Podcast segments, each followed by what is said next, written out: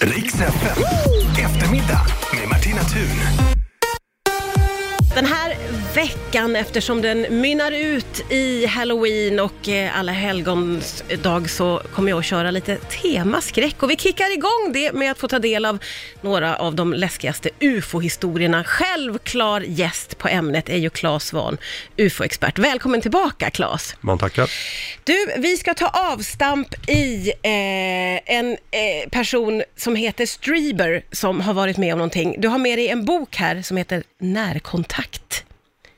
Med en lite läskig bild på omslaget. Det är en eller? väldigt läskig bild och man känner ju, det är en bild på en alien vill jag säga, Mm. med de här svarta, långsmala ögonen som man ju känner igen från många liksom, avbildningar skulle jag nog säga. Den blev ikonisk den här bilden faktiskt. Eller hur? Eh, vad är det Streber har varit med om? Ja, han skrev en bok då som heter Communion, den översatt till svenska då, om närkontakt då, 1987. Och 1988 så träffade jag honom och, eh, och pratade med honom om hans upplevelser. Och han var ju en skräckboksförfattare från början. Ja.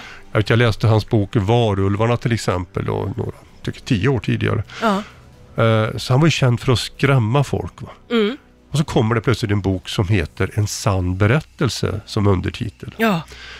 Och där berättar han då hur han en natt, han bodde i en eh, större stuga med sin fru i Upstate New York, då i norra New York.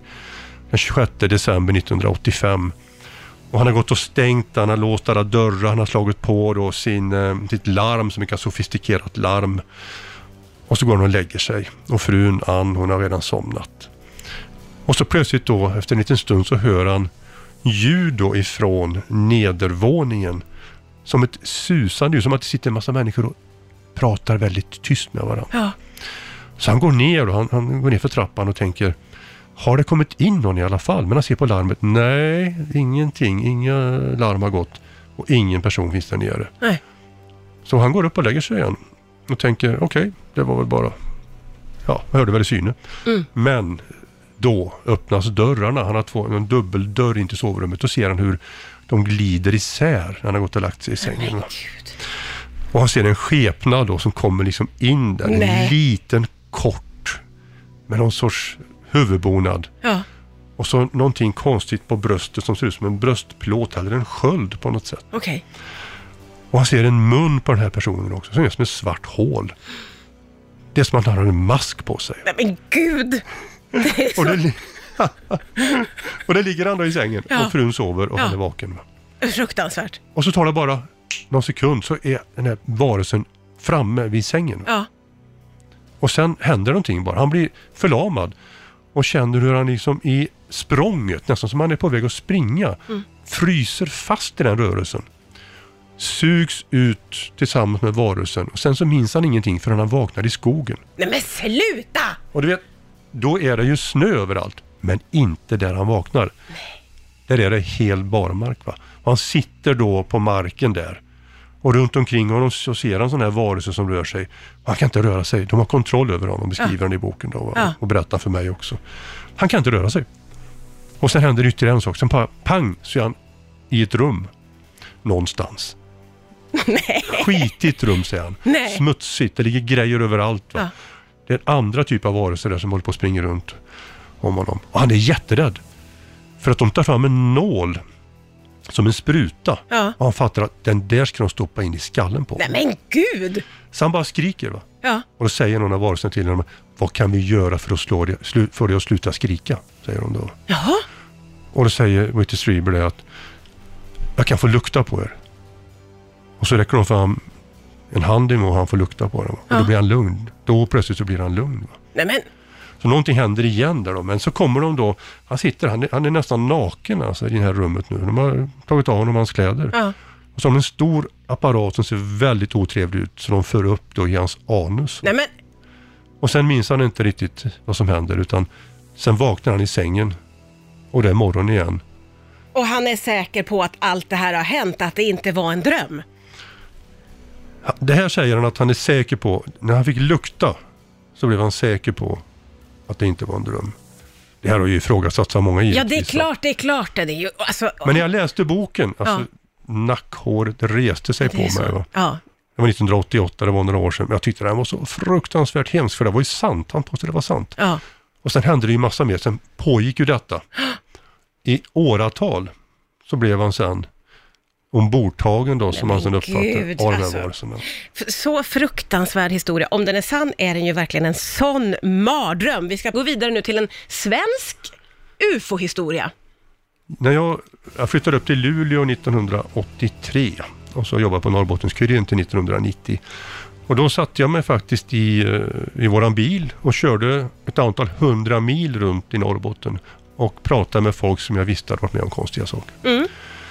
Och eh, då träffade jag en man som heter Åke Westerberg. Och han var med om en händelse den 16 februari 1971. Det pågick alltså, kan man säga i Norrbotten på den tiden, en serie observationer av en liten man, den lille mannen kallar man det för, som dök upp vid vägkanten och riktade starka ljus emot folk. Va? Jaha, Och eh, en man fick till och med sådana ljus i ansiktet, han fick ögonen skadade så att eh, han fick en spricka i ögat. men så det var inget vanligt ljus alltså? Uppenbarligen var det inte det. Va? Nej, nej. Men han blev sen bra den mannen i alla fall. Men han eh, sökte läkare för det och eh, konstaterade att han hade fått en spricka efter det här, det här ljuset. Då. Men Åke då, han var, han var 20 år då i februari 71. Och han bodde i Stråkan, heter det här samhället då, utanför Överkalix. Och det var ju mörkt då vid 18-tiden. Jag menar februari, ja, Norrbotten, mörkt. Mm. Och han skulle hämta mjölk eh, en hållplats längre bort. Och han väntade på bussen. Det stod med en 10 liters hink då som han skulle fylla med mjölk till familjen. Det var 10 personer i familjen. Och då står han där, berättar han för mig. Och plötsligt så ser han ett starkt ljus som kommer från en person som en liten kort person som har som en regnrock och något, något på huvudet. Va? Ja, Ungefär som Whitney Strieber's eh, figurer. Va? Ja, just- Liten. ja, ja, ja. ja. Och så riktar den här enorma lampan emot honom. Mm. Och den är så stark så Åke kan inte titta i den utan han måste vända sig om. När han vänder sig om då ser han hur hans skugga faller och det lyser alltså hundratals meter bort längs vägen. Oj. Så stark är Ja, den här lampan. Då. Eh, och till slut så tonas det här ljuset ner och försvinner helt och då vänder han sig om. ja.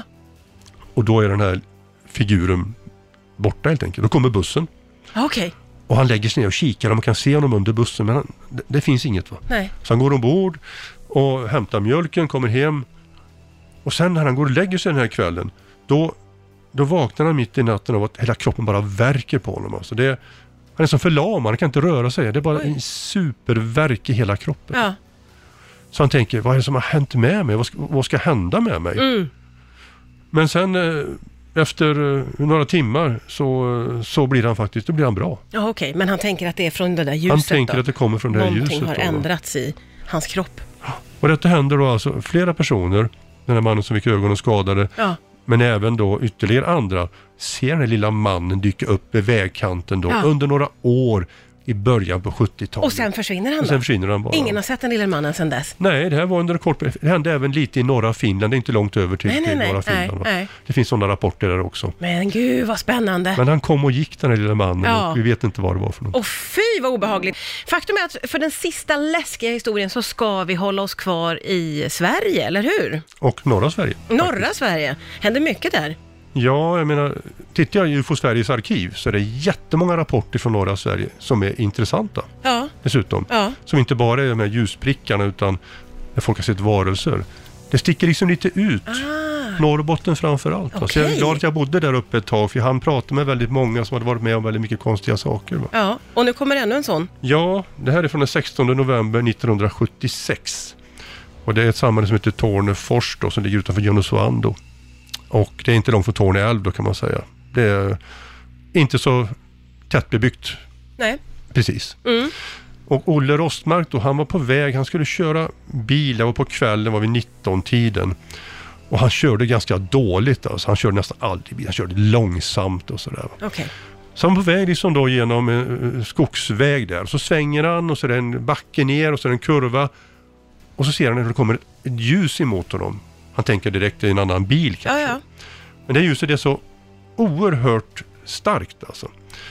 Så han fattar att det där är ju ingen bil alltså. Utan det verkar komma som från en, ett svart föremål som hänger lite högre upp då. Som en, en kula av ljus som kommer rakt emot honom. Ja. och så träffar det hans bil. Va? Och då vibrerar, hela bilen bara vibrerar. Oj. Och han träffas av det.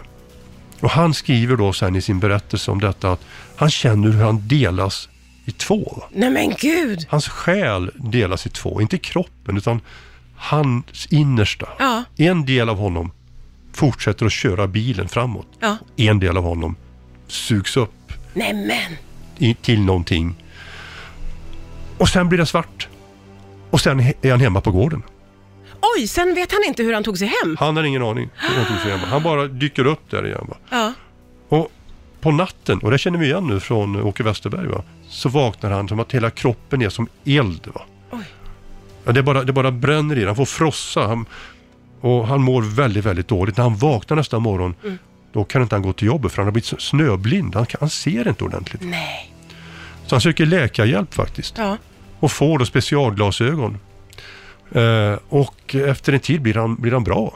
Okej. Han behöver inte glasögonen längre. Men vad, vad sa läkarna då om det här? Ja, de förstod inte vad som hade hänt. Alltså, jag har ju pratat med sköterskan också som var inblandad i detta och med hans släktingar och, och så vidare. För han, Olle var borta då när jag började undersöka detta tyvärr. Okej, ja.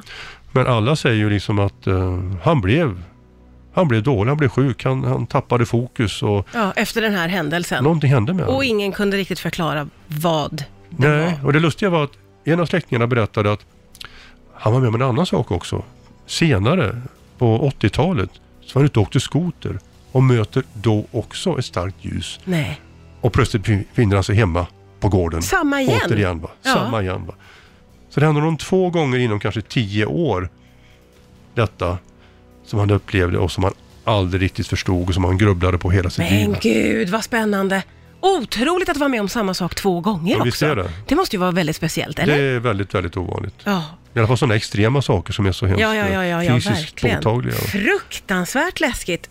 Även väldigt, väldigt spännande måste jag säga. Och spännande att det pågår så mycket här i Sverige. Så är det. Där vi bor. Claes Svan, UFO-expert. Det är alltid ett stort nöje när du kommer hit. Tack snälla för att du kom till Rix FM idag. Tack så mycket.